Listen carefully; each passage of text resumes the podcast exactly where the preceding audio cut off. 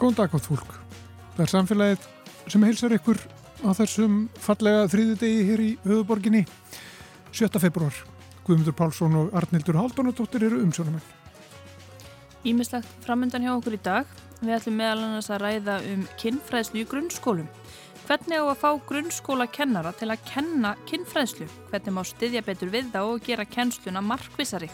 Þetta rannsakaði Íris Valstóttir í meistaraverkefni sínu í kennslufræðum.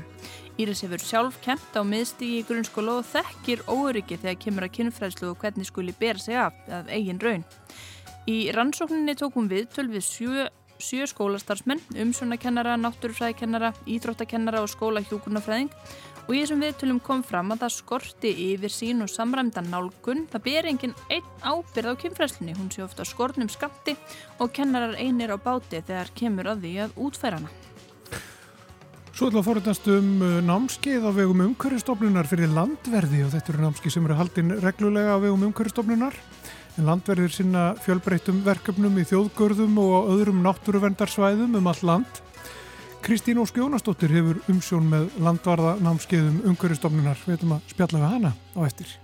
Svo kemur Anna Sigriður Þráinsdóttir málfarsaðanundur til okkar í lok þáttar. Hún ætlar að spjalla um Íslandst mál en við byrjum á kinnfræðslu í grunnskólu.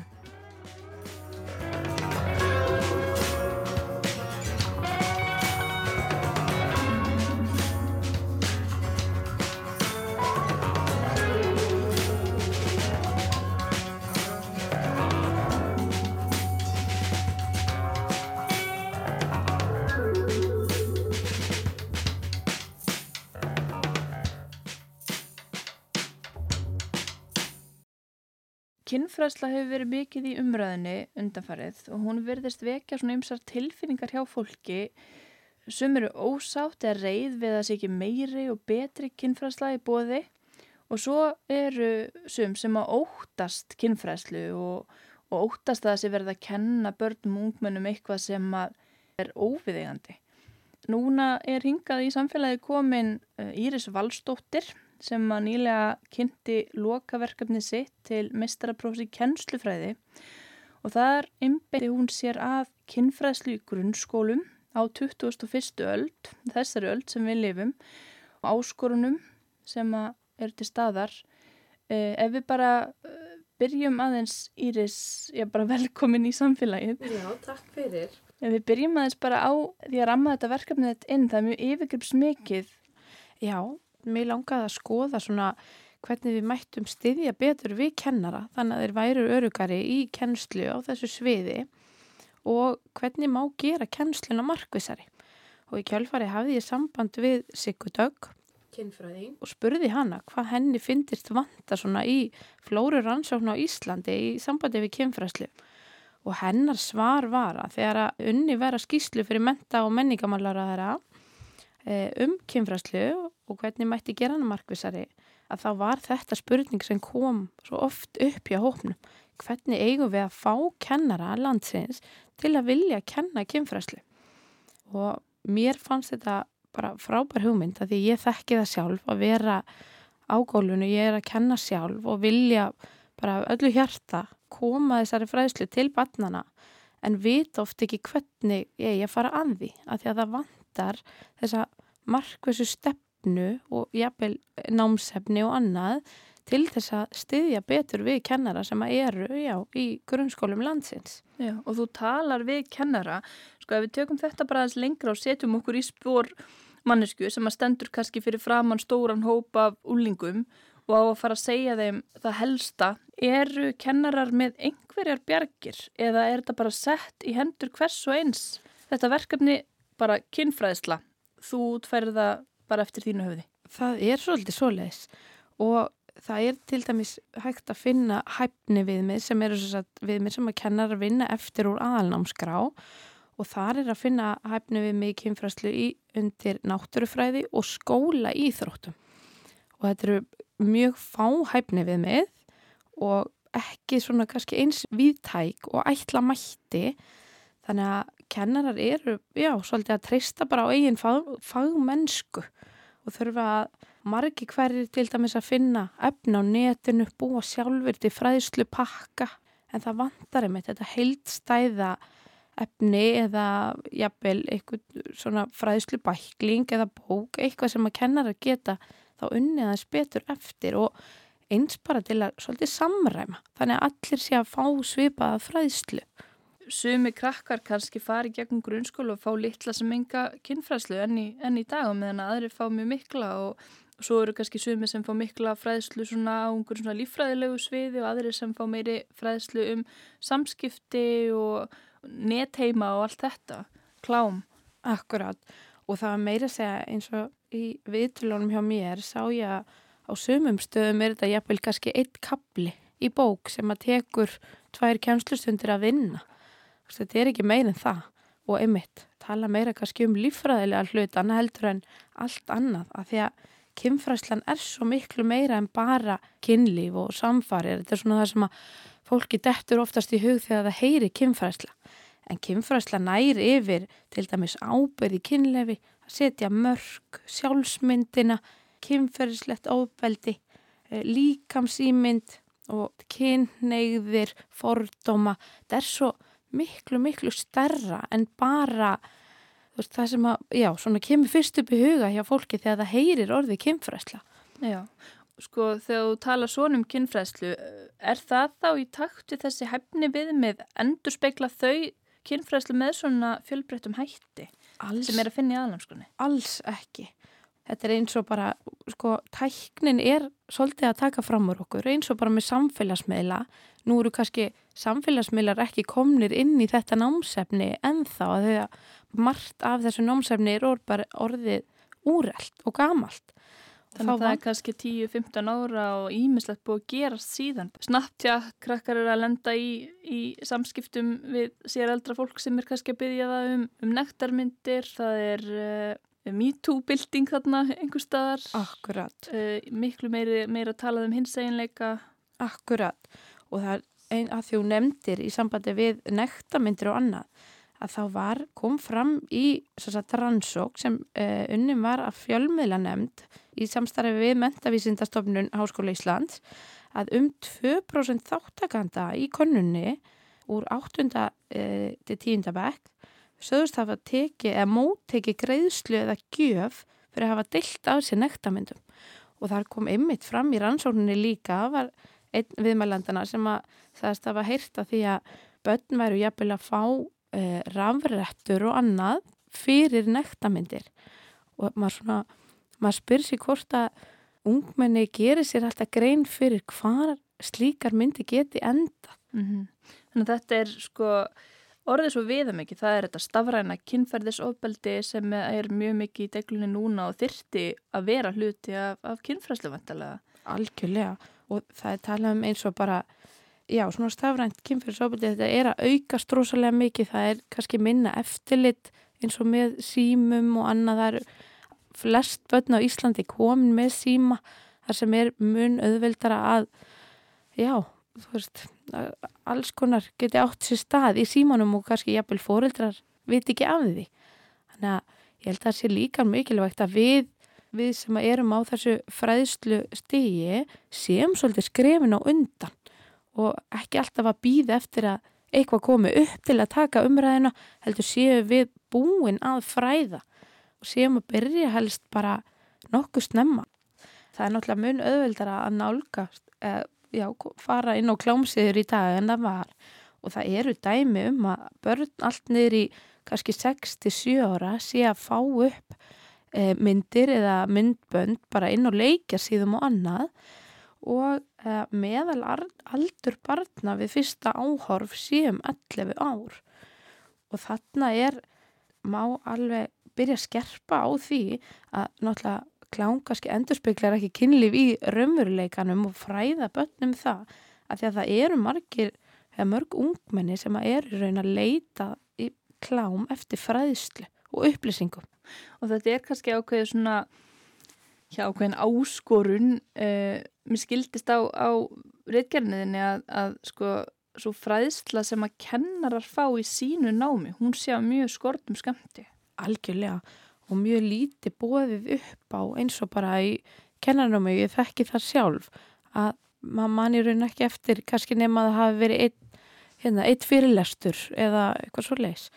Nú er þetta undir skóla íþróttum, kynfræslan og ég rætti mitt við íþróttakennara sem að sagðist ekki hafa fengið neina kynfræðslu í sínu námi heldur og þar má einni svona kannski á veltaði fyrir sér af hverju þetta er undir skóla íþróttum.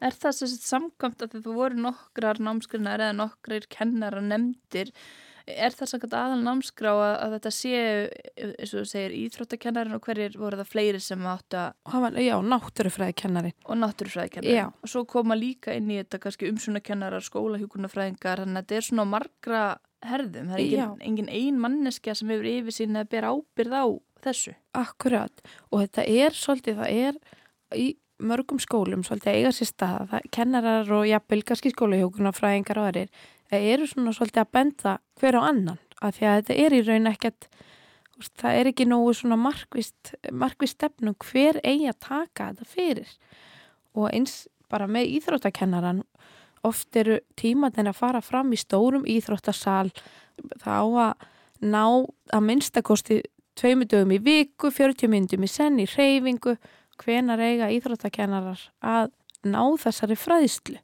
Já, og þetta er hæfni við mig sem er undir skólaíþróttum en svo sá ég mitt að það var sagt, haft eftir þessum íþróttakennara í, í rannsókninni að, að þetta væri bara eitt af hæfni við miðunum sem þau tækju bara ekki fyrir í kennslinu og það væri mörg sem að í rauninni bara fjallu utan við námsefnið. Akkurat. Og þetta er ekkit einstæmi að því að oft við svona köllum þetta nullnámskra þegar e, eitthvað sem ætti raun að hérna, kenna er svolítið sópaðandi teppi og láti bara mæta afgangi og oft bara ekki tekið fyrir. Þannig að það eru eflust margi kennarar sem eru kannski óryggir, vita ekki bara eins og ég sjálf hvernig best hérna, sé aðfarið og þá bara svolítið gleimist þetta. En á sama tíma er þetta þetta svo mikilvægt og allt sem þessu tengist bara rétt eins og veist, okkur finnst mikilvægt að kenna starfræði og íslensku en af hverju eru við ekki að leggja meiri áherslu á kynferðsluna af því að þetta hefur svo mikil áhrif bara á framtíðina hjá börnunum sem að veist, við erum að senda út í lífi. Mér langar að nefna hérna eina rannsók sem að var gerð í háskólanum þar sem að til dæmis tekið fyrir samþykki hjá framhaldsskólanum og þar vissu flestir hvað bara orðið þýtti samþykki en svo vissir hins vegar ekki hvernig þeir ætta að fá samþykki. Og það var tekið dæmi í rannsókninni að ungmenni væru jafnvel að nota bara veist, spurja áttu smokk? Og eins og það væri bara staðfesting á samþykki og var svona fyrir að tala svolítið undir rós bara í staðan fyrir að, að spurja bara reynd og beint út. Þannig að þannig eru við strax komin með bara mörkin og samþykki kynlífi sem að væri jafnvel hægt að fræða börn meira um svo aftur klám áhorf veist, miðlana, nektamendinnar e, fordóma sérstaklega að fræðum fordóma. Við, við erum búin að sjá núna í fréttum skemdaverk unnin á e, til dæmis regnbúa fánanum og annað. Já þetta gælt það sem fólk er að gælta og, og, og með svona meiri komur því að hatu sorðra eða að aukast? Og svona talað um bakslag í þessum öfnum. Akkurat og þarna oft er þetta bara vannþekking að það sé einhver að taka boltan og upplýsa börnin og jafnvel að það leiði allavega til fóreldra fóreldra sé bóðið meira kannski á fræðslufundi og annað. Þú talaði þarna við, var ekki sjö kennarar sem að, og starfsmenn skóla, skóla hjókunarfræðingur og þau tala um svona mjög fjölbreyttar áskorunir og vandamál sem þau standa frammi fyrir og, og svona óöryggi sem þau finna fyrir Já, það var akkurat, það var mjög áhugavert að skoða þessar áskoranir og hindranir. Það var til dæmis nefnt að kennarum, eða kennarum vanti kannski meiri rútínu þarna að þeir séu ekki alltaf, þetta sé bara þessi eini kapli og svo þegar kemur á honum að þá fara allir í bara baklás, að þetta sé orðin rútína og eins og til dæmis er gert núna í grunnskóla borgarfjörðar að þar er verið að vinna bara markvist að kynfræslu það var hún Þóra Gerlaug sem að stendu fyrir því. Kynfræsla er komin á sagt, öll skólastig og þetta eru minnst 12 kennslustundir og ásamt fræðslu til starfsfólks og fóreldra og hún talaði þar um að með því að sagt, byrja nóg snemma að þá væri meiri líkur á að börnin kannski losni svolítið við feimnina að orð eins og sáðlát eða snýpur, sjálfsfróin og annað, þetta er orðið bara öðlegt fyrir þeim, þau geta rætt þetta og þegar þau eru svo komin upp á sagt, úlingasti að þá er búið að vera taka fyrir, kannski jæmt, jæmt og þjætt, alveg frá því að þau eru veist, auðvitað náttúrulega kannski byrjað að ræða engasvæði og mörg og annað að þá er þetta bara svolítið komið í rútinu og þetta var það sem að kennarar í minni rannsók töluðum að þeir, þá vandi þessa rútinu að vera svona þetta svolítið bara, já, það sé eitthvað aðlilegt og börnin sé orðin svolítið vön að geta rætt um allt sem að kynfræslinu kemur. Já, að það sé geta fliss og þessi vandraðagangur. Akkurat. Svo var einmitt talað líka um þetta heilstaða námsefni sem að vantar svolítið og þessi rammi fyrir kennarana að það séu allir að fá svipa fræðslu og sé verið að taka til greina alla þessa þætti sem að kynfræslinni koma. E, svo náttúrulega kannski má þarna aðeins e, komaði að að það náttúrulega var gefið út heilstætt námsefni fyrir, e, fyrir svona yngri, yngri stigrunskólans og það má kannski alveg segja að það hafi alveg orðið svolítið múæsingur svona í samfélaginu út frá þessu að það Já, er verið að Það voru að tala um hennan bækling sem var mikið rætt um síðasta sumar að, þarna væri verið að spilla börnum jafnvel eða akkurat. Og auðvitað verður við kannski líka svolítið að geta með treyst á fámennsku kennarana. Það sé verið að fræða á uppbyggilegan hátt það er auðvitað ekki þú veist verið að íta þeim einhverjum hugmyndum heldur eru við að reyna að fræða kannski að grýpa nú snemma inni þannig að þegar að þau komast á úlingshaldurinn eða annað þá eru þau orðin meðvitu um þetta. En svo langaði með að nefna líka að það kom fram í rannsókninni að mismunandi menningar og trúalegu bakgrunnu nefnda væri oft mikil áskoran að því að auðvitað viljum við við berum virðingu fyrir eh, mismunandi trúabröðum og einmitt svona menningar heimum og þarna eru kennarar svolítið látni standa frammi fyrir því sko að taka ákverðun sjálfur hvernig vil ég koma efninu frá mér en á sama tíma bera virðingu fyrir öllum nefnda hópnum og það er þá spurning til dæmis með, með ræða þungunarof Akkurat, af því að það er til dæmis að ræða þungunarof maður er kannski upplýsaðu um að það eru valgkostir, ímsi valgkostir í stöðunni en fyrir marga hópa er sagt, þungunar af valgkosturinn bara ekki í bóði og þannig að verður maður svolítið að stoppa og hugsa hvað má ég segja, hvernig á ég að koma þessu frá mér þannig að ég sé að verða alla menningar heima við erum mjög fjölming menningarlegt samfélag og eins inn í skólanum hver, í hverjum bekkuru kannski nefndu frá hinnum ymsu löndum og þarna svona já, það vantar líka svolítið meiri stefnu bara stjórnvalda og hérna fræðslu yfirvalda eftir hvað stefnu eigum við að vinna. Mér finnst þetta hljóma svolítið eins og kennarar upplifið sig í sko mikillir klemmu og upplifið þeir vilja ekki gera eitthvað sem að foreldrum eða samfélaginu mislíkar og einhvern veginn þurfi að gera þetta þannig að allir séu sáttir á sama tíma þarf að byrja að fræða börnin mjög snemma. Það þarf einmitt greinilega einhvers konar viðmið og einhvers konar námsefni sem að þeir geta stutt sér við. Og það er meira að segja, sko, sangam íslenskum lögum eiga fræðslu yfirvöld að sjá til þess að eh, börnlandsins séu frætt um kynheilbriði og eins embati landlæknis, eh, heilsugjastla höfuborgarsvæðisins og aðrir, það eru allir að tala um að það eigi að fræða börnin. En svo einmitt stoppar þetta þarna. Hvað meigu við? Og auðvitað viljum við ekki fræða í óþökk fóreldra já En ef, ef að það er stúlka sem á, á fóreldra sem að uh, eru á móti þungunarofi þýðir þetta þá að kennarinn má ekki segja neða hér á Íslandi sé þungunarof löglegt. Akkurat, í raun verður þetta þá Þegar þetta er náttúrulega bara ákveðið sem gildir á Íslandi og burt sér frá því hvað, hvað týðkast innan ákveðina hópa eða fjölskyldna. akkurat. En þess vegna eins og ég segi, þetta er kannski svolítið vond staða fyrir kennarna sjálfa að þurfa að taka þessa ákverðin. Þú, þið upplýðu kannski að það stjórnvöld séu svolítið að bregðast kennurum sem standa þarna fyrir framann hópin og eiga að fræða um allt sem við kemur. Akkurat, og þetta er bara eins og í sambandi við í kringum jóla, eh, jólin. Þegar að hópar voru að fara í kirkuna og hlusta á sögur og þá var svona svolítið gripi inni og þetta væri þá þau börn sem að fengju leifi og hinn fengju að vera í skólanum á meðan. Og þar var svona aðeins gripi inni og bæði kannski skólanir og í samstarfi við hérna, stjórnvöld verið að svona aðeins að beigja, beigja frá reglum. En svo aftur á móti í kynfræsluna þá er ekki eins og bara með hins einleika þetta er ekki samþugt í öllum löndum þó kannski svo okkur finnist það eigi að vera.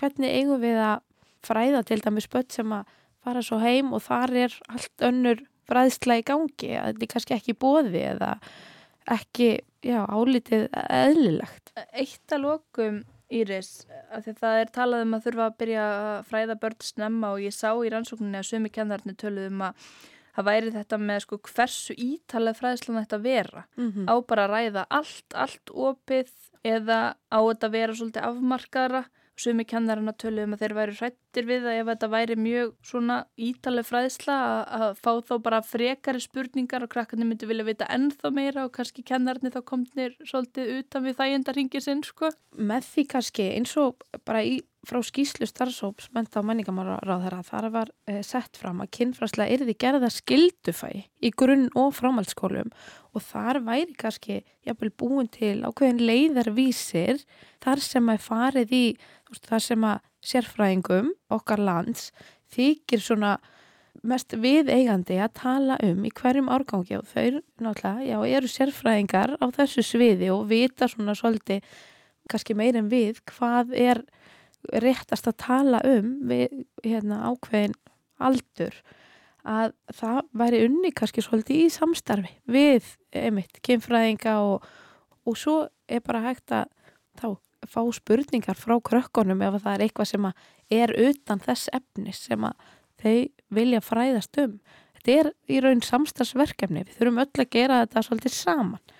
Já, það var svona, já, svona megin hugmynd hópsinn sem að ég rætti við að fá ákveðin aðila sem að sægi um kynfræslu, jafnvel í nokkrum skólum á ákveðinu svæði að væri meira svona eftirlit með þessu, einhver sem að hefði betri yfirsýn og gæti þá verið að miðla efni, það hefur verið að fræða kennarana sjálfa, bara í, bæði í kannski endumettun og námskeiðum og annað, um hvernig sé best að farið.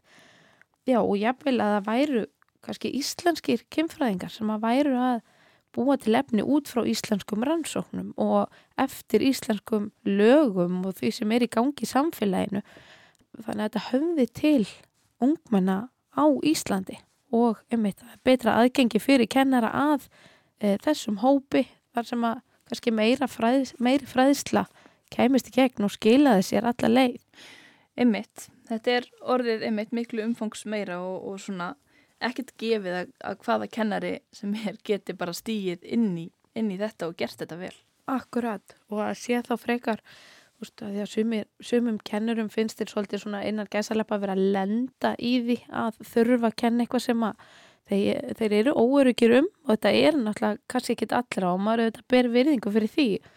Það sé þá fundin ákveðin aðili, jafnvel innan hver skóla eða einhver sem að tekur ákveði bæjafélag eða annað, sé tilbúin í að, að ræða þetta og eins og ég segi kannski á úlingastegi er þetta oft orðnar mjög opnar spurningar um ímislegt. Það var einmitt einn í rannsókninni sem sagðist að fengi spurningar um BDSM á úlingastegi og þar sem hún kannski vissi ekki almeinlega hvernig hún ætti að svara eða hvað hún mætti segja í því samhengi. Já, það þarf einhvern sem er bara til í allar þessar spurningar, til í að svara þeim. Akkurat. Já, takk fyrir að ræða þetta mikilvæga mál í samfélaginu, Íris Valstóttir. Já, bara takk fyrir mig.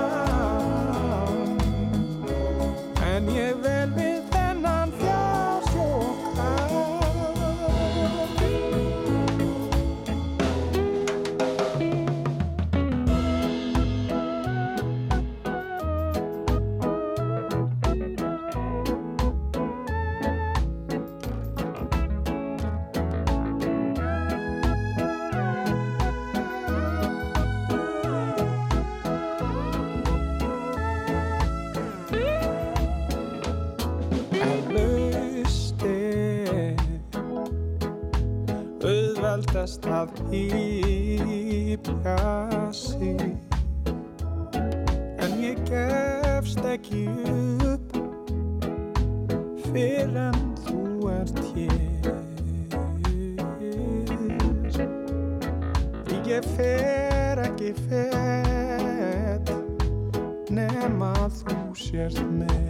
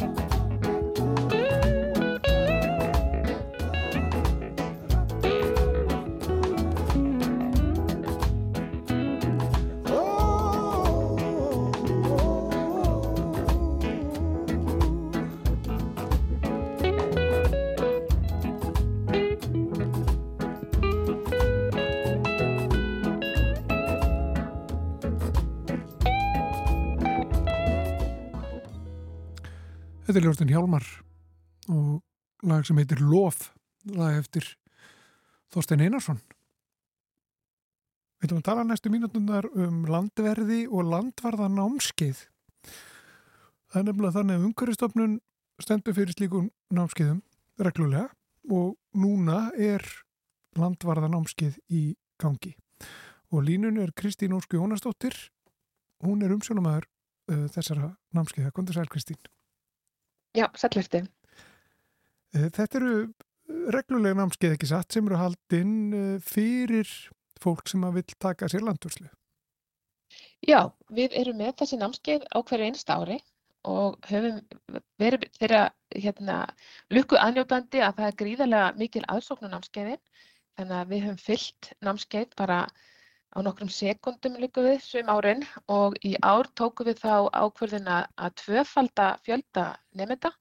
Þannig að við hérna, erum með 70 rúmlega nefnendur á námskeiðinu og uh, erum að byrjum sensta fymtudag og verðum næstu, þessu fimm vikur, fimm helgar. Já, og það er mikill áhugi og eftirspurnin er mikil.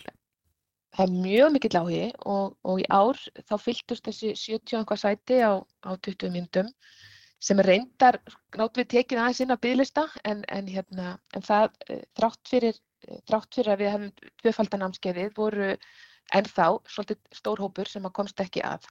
En það má bæta því við hér að til viðbótar við uh, þetta, þessi námskeið sem að umhverfstofnun stendur fyrir, að þá er hægt að fá réttindi til að starfa sem landverðir í gegnum ákveðna námsbreytir hjá Landbúnarháskólinum, Háskóli Íslands og Háskólinum á Hólum.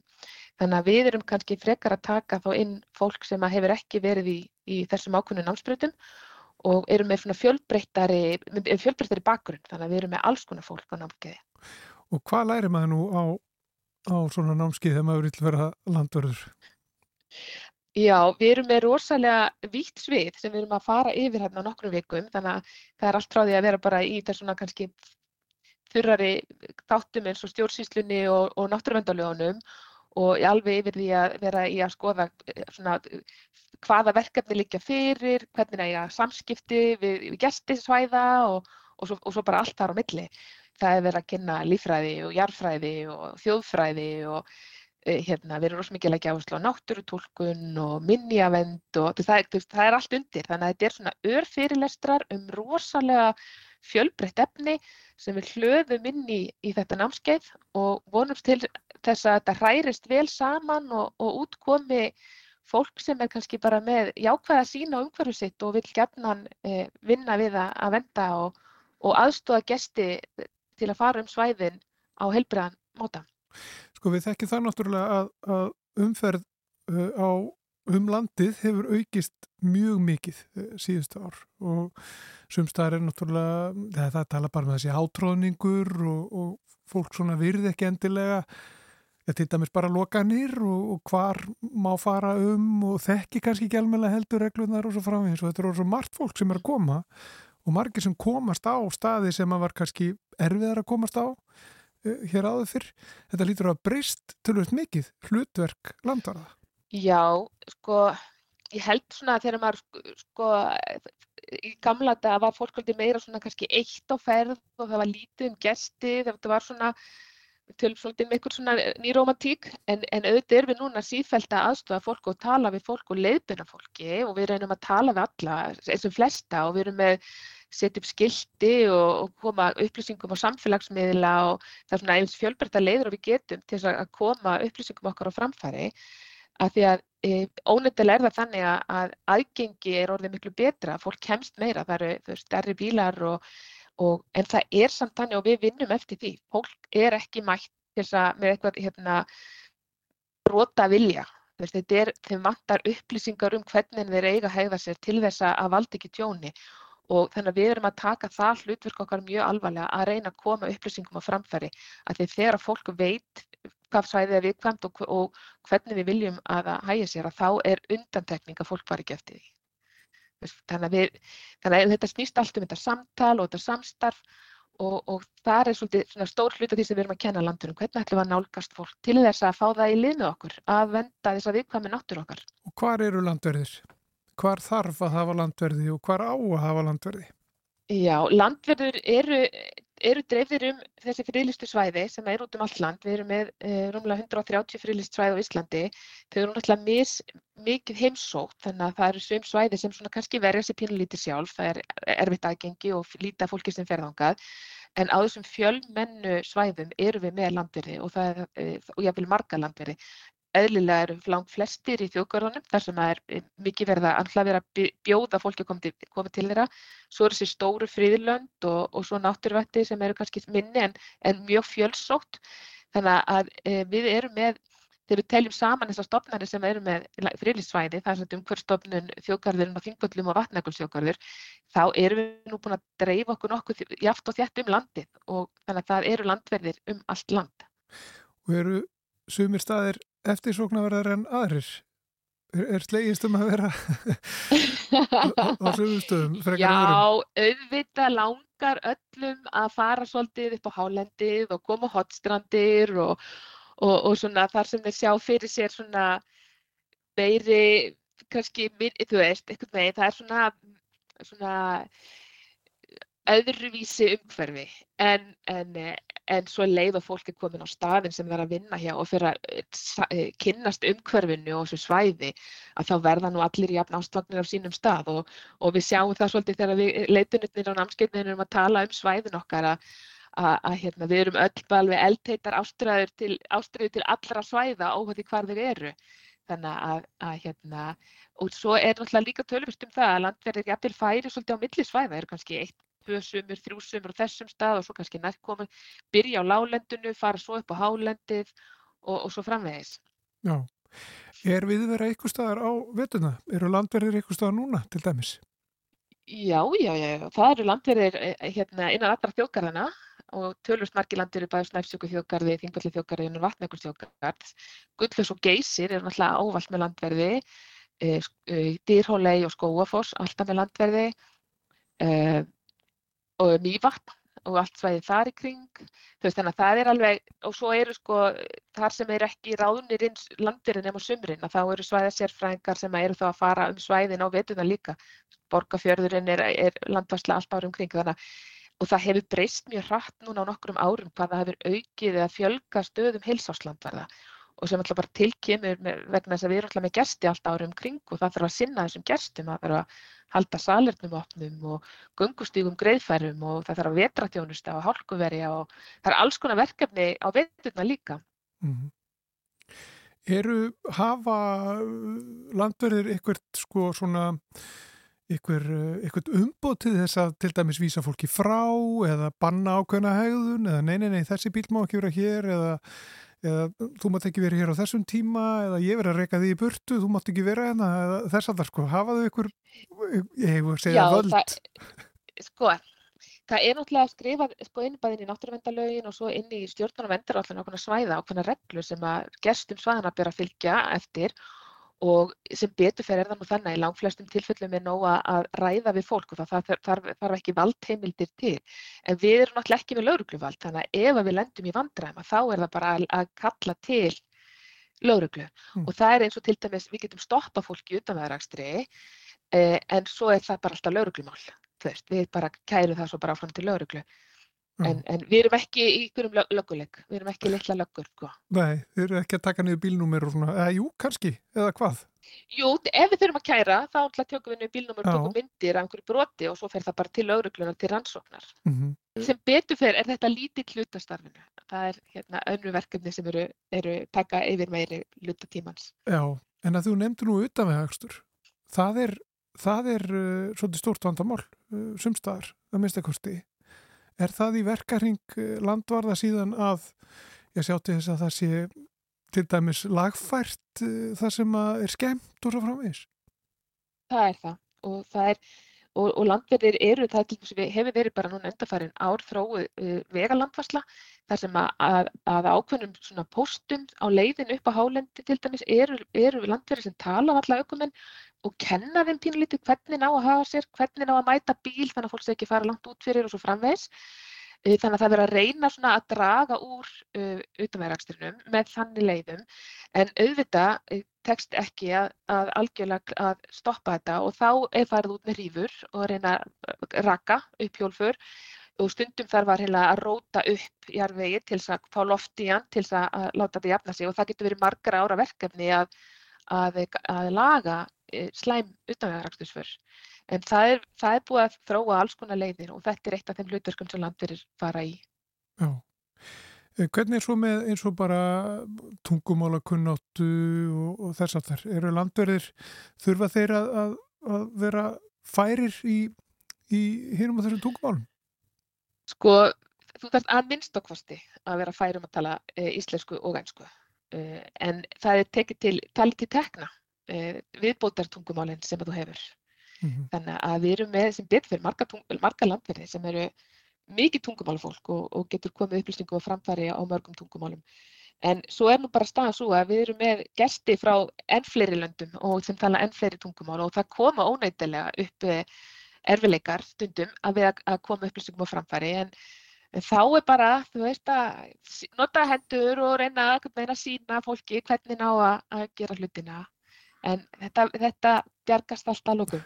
Já, það fólk sem er núna á námskeiði hjá ykkur, landvaranámskeiði hjá einhverjastofnun, um, ef það vill síðan uh, taka að sér landvörslu og ve- vera landverði, segjum næsta sumar eða þar næsta sumar eitthvað slíkt, er þetta, alltaf, er þetta auglýst uh, það sem er laust eða er fólk skipað eða hvernig, hvernig gengur það fyrir sig? Þetta er auglýst og núna er bara akkurat í þessum tölum orðum eru auglýsingar frá öllum, uh, frá, hérna, frá umhverfstofnun vatnaugurstjókar og þingvöldithjókari. Við erum öll að auglýsa eftir landverðum og umsóknarfrestur er til 16. februar og uh, það er nú bara ritað í reglugerð um, landvörslu að, að þeir sem hafa lokið landvarréttindum ganga fyrir í störf landvarða. Þannig að, að þeir sem eru á, eru á námskeið eða hafa tekið námskeið eða lokið þessum námsbrautum frá háskólanum ganga þá fyrir í þessi störf. Og fólk hefur núna tíu daga til að Tíu að dagar til þess að, að inn umsókn. ef það er áhuga samt um að, að starfa við landvörslu. Já. Uh, bara rétt í lókin, sko, hvað eru þetta, þú varst kannski búin að segja mér það, en hvað eru þetta margir landverðir sem að eru uh, á hvernig tíma, eða já, þegar mest er einhvern veginn uh, sem eru Já, að sko. störfum. Uh, ég, myndi, ég myndi skjóta á það svona pínu lítið skot í myrkri en ég myndi skjóta á það að su suma landverðinir sem að við erum að fara að ráða, þessar þrjár stopnanir, séu svona uh, allavega 70. En þetta, þetta eru mislöng tímabil. Sumir landir eru komið bara í stuttan tíma, við erum með svæði sem eru opinn mjög stutt og svo eru önnur sem eru lengri tíma. Þannig að ég myndi giska á þetta verður kannski svona 70 manns. Já, hefur þú verið landverður sjálf? Já, ég er búin að vera sjö sumur á Hortströndum og hérna, sé um Hortströndufrílandi, það er eitt af mínum starfskildum og hlakka mikið til sumarsins. Já, það. Við hlökkum nú öll til sumarsins en, en þú hefur þessa ástæðu um, umfram, umfram okkur hinn. Uh, Kristín Óski Jónasdóttir, um, umsjónamaður landvarðanámskiða hjá Ungverjastofnun og landvarður á Hotströndum á sumrin.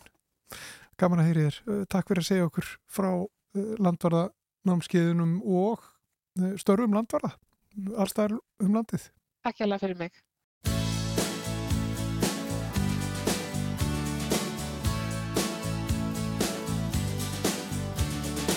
Every time I look into your loving eyes,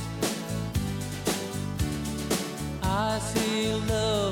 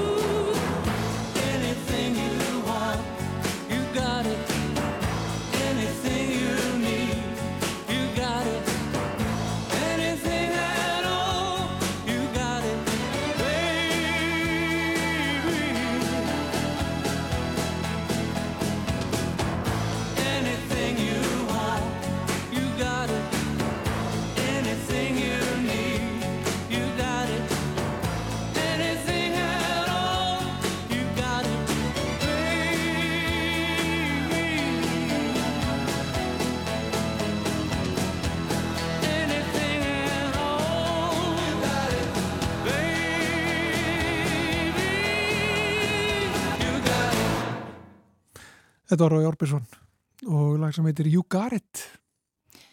En hún er komningað annars er í þráðanstóttir málfarsráðunutur. Við ætlum að ræða, við ætlum að ræða gaurin eða svona fyrirbæri sem að við eigum oft erfitt með að finna orð yfir. Kannski, það er kannski svolítið langt í það, erfitt að, erfitt að finna það eða það er bara ég ekki til. Þetta kemur oft upp að ég að hvað heitir það aftur? Gaurinn og gæinn líka. Já, stundum þegar verið að vinna með einhver verk að einan er rétt að mér að það gaurin til þess að hérna, Mm. gera þetta eða hitt uh, en ég fór að velta fyrir mér sko, er, er mikið af bara, fórum til dæmis að ræða líkamsluta og svona er mikið af líkamslutum til dæmis sem að við eigum bara ekkert orð yfir Já, sko, nú veit ég ekki nema að séu til heiti á þessu öll, öllu saman. Ég man nú sjálf eftir að þú veist að tala, hérna, tala um svona líkasparta, ég man sjálf eftir því ég var batna að hafa velt mikið fyrir mér þessu fyrir bara hérna milli fingrana. Hvað mm -hmm. við að kalla það? Já, Fýtt. Ég held að heiti fýtt. Og þetta er mig alltaf á sundfýtt, sko, Já. og fugglum.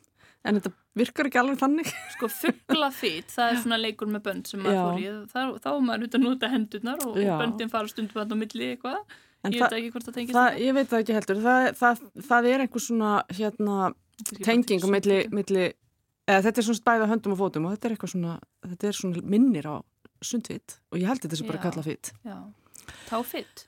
Já, getur þetta er líka með tanna.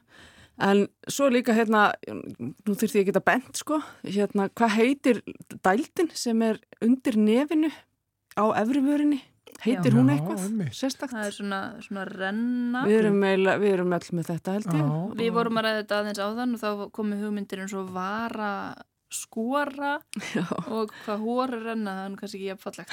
Það var hórtróið. Hórtróið. Það, það var nú kannski meiri gríni sagt. Það er kannski til heiti á þessu á þess að okkur sé kunnugt um það. Getur verið eitthvað svona læknisfræðilegt heiti Já. eða eitthvað. Það er Þetta er náttúrulega einhver- miðnesið. Já, það er, hefði ég það alveg, er örgla hérna milli nasana Mm og svo er nú, erum við nú með nasa vangi en hvað heitir svo hérna þessi bógi sem að er uh, frá nefi niður á vör? Heitir hann eitthvað? -hmm. Svona húðfelling í okkur? Já, Já, já, hérna er mitt, Já. brósrukkurnar já. sem eru kannski ekki alveg rukkur á öllu. Já, já, já, en þetta er samt eiginlega meira svona húðfelling frekar en hrukka, sko. Þetta er bara svona sem kemur Skora. frá nasa vangjum og niður á vörum, sko. Þetta er, þetta er hérna merkilegt. Heitir þetta eitthvað? Kannski heitir þetta eitthvað. Sem læknar, læknar nemar til dæmis þurfu kannski að læra þetta allt Eitthvað á latínu bara. Já. já. En svo eru sumir með skarð í hökunni sem heitir hökuskarð En Pétursbór? eða péturspor, já. Og, og hérna það er, en það kannski En munur- heitir eitthvað af því við erum ekki öll með það. En er munur að því hvort það er svona lítil hóla, er það þá péturspor? Uh, ég og ef það er skarð, þá er það svona Ég held- meira skarð. ég veit það ekki, Nei, ég veit það ekki. En ég veit er það? Já, þann, en þetta heitir sjálfsagt eitthvað af því við erum ekki öll með þetta. Já. En Já, þegar við erum öll með þetta og þetta kemur einhvern veginn aldrei til tals að þá. Nei, við, og við erum ekki endilega að pæla mikið Já. í þessu. Og svo Sko. er líka spurning bara hversu nákvæm við þurfum að vera og hversu Já. nákvæmlega við þurfum að geta líst öllum hlutum, öllum aðstæðum. Já, það er, það er hérna, alltaf spurning. Ef við höldum áfram með líkaspartana þá nefndi þú nú til dæmis við mig hérna, þann líkansluta sem kallast jarki og þú hefur, nú ekki áttaði eða hefur heyrt þetta fyrir orðin fullorðin. Já, ég var bara að vinna uh, við heimaþjónustu og var að bera fótakrem á, á eldri konu. Hún sagði, berðu vel á jarkan. Og ég var alveg, vissi ekkert hva, hvað það þýtti, þannig ég ætla bara að spurða hana og hún útskýrið fyrir mér að jarkin væri þarna hliðin á. Já, á ekki í- fætinum, á svona, fætinum, milli, eh. milli ristar og viljar. já. Já, Ídra, þeir segja í, hérna- utanverð, utanverð. Íðurabankin segir hliðlæg rönd fótar. hliðileg rönd. Það, það er nú gagleg skýring. En er það, er það, er jarkin bæði innan og utan? Nei, hann utan á? er utan á. Hann er bara utan Hann á. er á utanverðum fæti. Eh, Hvað ég- heitir þetta þá innan á? Góð spurning. Hmm, Ég veit ekki. mann rekur, rekur það bara- En svo er alls konar Það, hlutir sko. líka, það er ímislegt á fötum til dæmis sem við erum ekkert endilega mikið að velta, velta fyrir okkur hvað heitir. Vitið þið til dæmis hvað heitir hérna, að, þetta sem við þræðum beltið í á gallaböksunum? Maður myndi hugsa bara likja, eitthvað Já, Maður beltishaldari, sagði þetta svona fyrir Já. spurðan. beltishaldari. En mamma kendi mér allavega og kannski er það eitthvað á saumaskapi eða, eða ég veit ekki hverju, hverju að þetta hétu smeygar Smeygar. og hún notaði þetta svo mikið, þetta hefur alveg setið fast í Þetta er mér. mjög gott. Þetta er mjög gott orð, ég held að henni að finnst það svolítið flott, þannig að hún Já. notaði það mikið. Já, þú smegir beltinu nefnilega í gegnum þetta. Mjög gott. Það er mjög gott, sko. Nú skulum við muna það og, og hérna, Næst og allir hlustendur. Næst er þið þurfið að girða ykkur með belti að muna eftir að þræða það í gegnum alla smegana á smeygana. eða á buksunum yfirleitt. Eitt smeygur einn og margir smeygar. já, já. Mhm. Þetta, er, þetta held ég að sé, viti, það, það viti ekki öll hvað þetta er, sko. Við vorum líka eitthvað að ræða hérna rukkurnar á fingurunum Já, einmitt. Sko, og svona hvað þessi liðir sko. þeir hei, heita hnúar Mm náttúrulega, hérna þar sem við beigjum hérna stærstu liðamótin á fingrinum, heita hnúar. Svo eru kjúkur. En, já, það eru, það eru beinin, sko, Já. er það ekki? Já. Ég er ekki viss. en þessar hrukkur sem að koma þarna, sem, að, sem að eru náttúrulega til þess að geta teikst á húðinu þegar við beigjum liðina. Þetta er líka á hnjánu eða þú veist, olbúnum og svona, þetta gerist svona. Ég veit ekki til að þessir, þessir hrukkur beinlínis heiti eitthvað, annað en bara Nei, bara Já, hnúa- bara- partur af hnúanum. Já, og kjúkurnar eru þessi litlu bein Já, er það ekki? sem, í jú, sikkur fingrunum. megin við Já. liðina. Já, í Já. fingrunum. Já. Mhm. Svo eru sko, einmitt, bara í svona uh, alls konar tækni, við vorum nú bara að tala um líka sko með þegar maður er að setja stefnuljósið á í, í bíl. Já. Er það takk? Er, hvað? Stundum Já, er sko, það takki hjá sumum bílum. Já, getur það verið það á takki. er það á nútíma bílum? Svo er þetta einhvers konar stangir stundum. Já, og ég held að ég hef í aukunáminu lært að þetta hétu armar, stefnuljósa armur. Þú armur. þurrku armur kennarinn þá, Já, Anna, ég, Anna, viltu styðja á stefnuljósa arminn? já, já, hérna íttu honum upp svo, og gæðu stefnuljós til, til, að, til hvernig verða Hægri eður upp. Já. og vinstri niður, það voru að hugsa. Já. Já, já, það er ímislegt svona, það er ímislegt að örgla á bílum sem að, sko, ég held að allir bílapartar hafi nú einhver heiti og það er til alveg ótrúlega skemmtilegt bílorðasapn á íslensku þannig að það er búið að þýða alls svona Já. bílaparta heiti en svo er nú samt svona fyrir leikmenn, þá er nú örgla oft bara alls konar gaurar og gæjar í bílnum, Já. þetta er trúað, sko. Já. Já. Það er til dæmis bara þegar þú ætlar að opna bíldirnar þá Já. tósar í eitthvað svona er það bara hurða opnari Ég trú kallar það bara handfang en, en það er ekki hurðar hút já, en það þetta er, handfang einu sinni voru þetta svona raunverulega handfang svo íttum maður að taka en það voða langt síðan og það kannski Rúðusnerill. þaðan, já, það er náttúrulega úrælt í dag það hétt hvað hétt það nú eftir? Rúðu þurku Já, hvað? Já. Nei, rúðu halari eða eitthvað svo leiðis. Já, Hala upp og niður rúða, já, sem var notað til þess að Sveif, snúa. væntalega. Sveif. Rúðu, já. Nú er hlæja bíl, hérna, bíla, villisnýður bílbifjölavirkjar og, og hérna, sérfræðingar í bílum að okkur, að vita þetta ekki. En það er nefnilega, einmitt, að því hún nefndi gaur á þann og, og alls konar, hérna, gaurar og gæjar, og datt mér nú bara í hug að orðið gufugægi. Það vantaði nefnilega orður glæði yfir þetta tæki, þetta er svona gufutæki Einmitt. til að slétta fött. Já, já. sem, að- sem að hérna, rennir upp strauja. og niður eftir, þetta er nefnilega alls ekki það, strauja Alls ekki verið að strauja. nei, nei, en það er verið að renna hérna, tæki upp og niður eftir einhverju flík sem að, til að slétta hana með gufu já, og maður getur ekki kallað þetta og ég held að þetta í Það er- sjónvarsmarkanum hinn í gamla dag hafi þetta orð orðið til þar var nefnilega að byrja að Gufugæi? selja gufugæjan Já. ég minnir það, ég held að það sé rétt að kannski mér er það þaðan sem þú komið að kalla eitthvað svona sem maður veit ekki alveg hvað heitir kannski hefur það allavega verið Gaur byrja þá og þetta er hvers, hvað kallast þetta hvað kallast þessi gæi hér, já þetta er nú einhvers konar gufugæi Mm. Herðu gufugæi, það er bara allir gott orð, ef ekki kalla það Já. en maður getur sko, er þetta vandamál í rauninni að maður kunni ekki alltaf orðið yfir Það er ekki, oft kunnum við nú kannski orðin en munum þau ekki og þá Já. tölum við um gaurinn eða gæjan eða eitthvað, en ég veit ekki akkur að það er þau orð akkurat verða fyrir valinu, það er svo eftir annar mál. Nei. Gaur er eiginlega mjög áhugavert orð og hrunda gæji líka. gæji er náttúrulega bara, bara, sko, gaur er gamalt, eld gamalt íslenskt orð. Þetta er bara alveg allt aftur í hérna, elstu heimildir. Þetta Já. eru gaurar og ekkert, já, ég þóru nú ekki að fara með elstu heimildir en ótrúlega gömlum heimildum er gaur ekki, sko, gaur merkir einhver svona nag- nagli eða fleitni eða eitthvað þess að þar, Mhm. staur. En en svo er farið að nota það um menn. Og það er erum útrúlega við langt sér að fara að gera það. og nú erum við farið að nota um að alls konar hluti. Já, Já. naglar eru líka notaðir um Já, fólk, já. svo sem. Já, reyndar, reyndar. Já. og það kannski tengist. en gæi aftur á móti, það er auðvitað bara einskuslegt Já, það er bara gæi. Um Já. menn. Og það, gæjar voru náttúrulega aðal tafarnir hérna árum aður sko en núna eru gæjar bara alls konar fyrirbæri þannig að já, gufugur og. Já, og alls konar gæðir.